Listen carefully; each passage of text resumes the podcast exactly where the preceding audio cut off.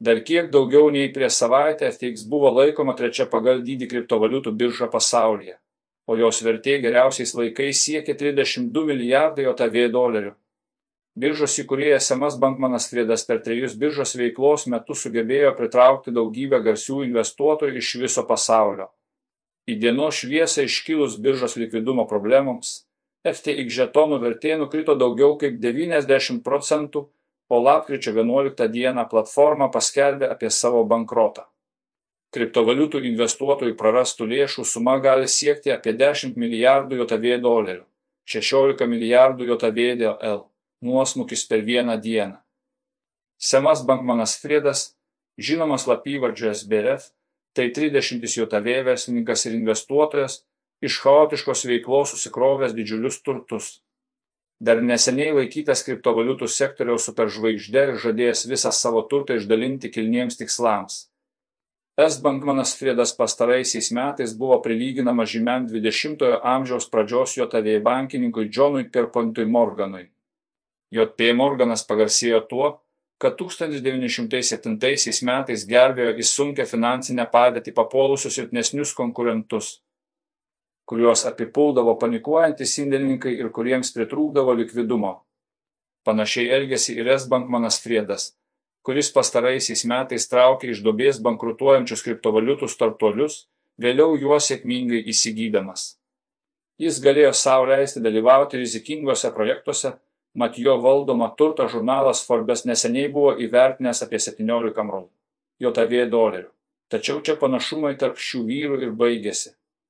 Morgano vardas toliau puošia vieną iš didžiausių pasaulio bankų Morgan Fase, o S Bankmano Friedo įkurta kriptovaliutų birža FTX baigė savo egzistavimą nešlovėje.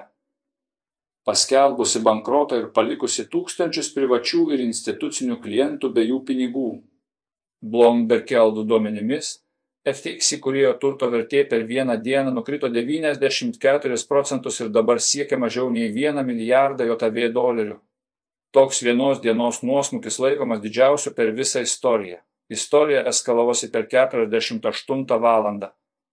Kaip ir nemažai kitų pokyčių kriptovaliutų rinkose, ši istorija eskalavosi ir kulminacija pasiekė žaibo greičiu.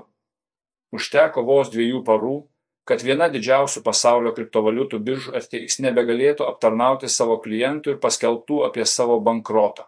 Kaip viskas vyko.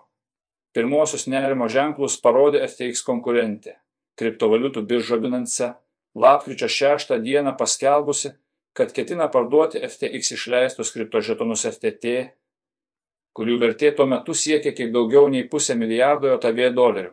Gandas, kad FTX susiduria su finansiniais sunkumais, paskatino daugelį klientų atsimti savo lėšas, saugomas FTX platformoje. Tie, kas suspėjo, per 72 valandas iš biržos atsiėmė 6 milijardus JAV dolerių vertės lėšų, o FTX vėliau išaldė lėšų pervedimo galimybę.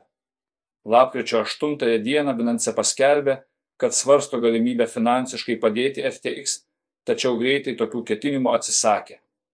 Paaiškėjo, kad FTX klientai reikalauja atsimti dar bent 8 milijardus JAV dolerių vertės lėšų, kurių FTX pasirodo neturėjo.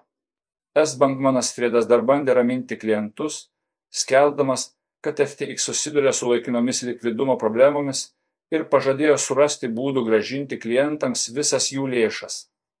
Vis dėlto neatsirado nei vieno išorinio investuotojo, galinčio ar norinčio padėti FTX. Todėl lapkričio 11 dieną buvo pateiktas prašymas bankroto procedūroms pradėti neskaidrios finansinės transakcijos nepaisant kriptovaliutų entuziastų kartojamos mantros, kad blokų grandinių technologija NGL.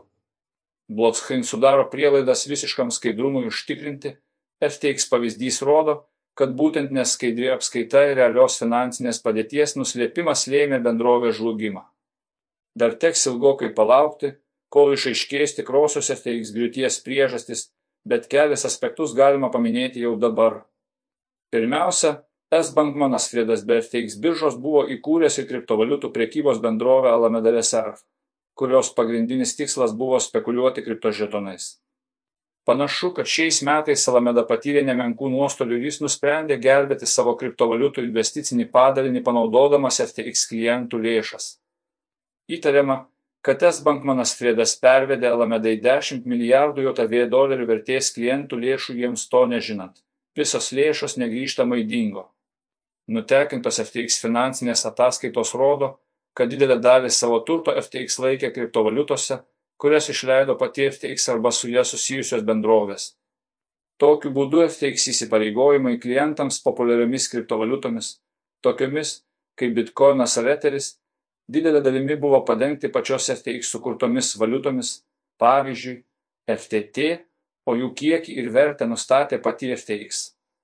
Šios popierinės vertės FTX niekaip negalėjo monetizuoti, kai klientai vienu metu pareikalavo gražinti milijardus lėšų.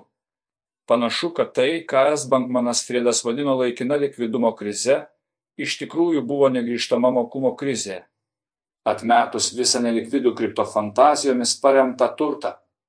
FTX baigė savo gyvavimą turėdama apie 900 milijonų JAV dolerių vertės likvidaus turto ir apie 9 milijardus JAV dolerių įsipareigojimų klientams. Tai primena tradicinę finansų piramidės schemą. Jeigu reikalai atrodė prasti, jie dar labiau pablogėjo lapkričio 12 dieną, paaiškėjus, kad iš FTX paslaptingų būdų dingo dar 660 milijonų JAVDL vertės žetonų. Galimai buvo įvykdyta vagystė, kai kažkas įsilaužė į FTX sistemas, miglota ateities perspektyva, žinodami, kad kiekviena grėsmė yra ir galimybė, turėtume sulaukti pokyčių ir kriptovaliutų rinkoje.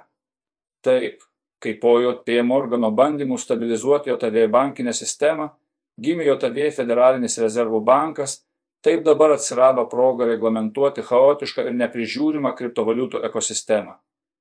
Ar reikalingas kriptovaliutų centrinis bankas, prižiūrintis ir gelbėjantis sistemos dalyvius, gali tapti esminiu klausimu, nulemsiančiu tolimesnę visos blokų grandinės technologijų plėtrą. Po šių metų drastiškų kriptovaliutų kainų nuosmukių, dabartinio FTX bankroto ir daugybės nusivylusių investuotojų bei realius pinigus praradusių žmonių šios technologijos ateities perspektyvos atrodo miglotai. Labai tikėtina, kad žiemos sezonas kriptovaliutų rinkose gali užsitęsti.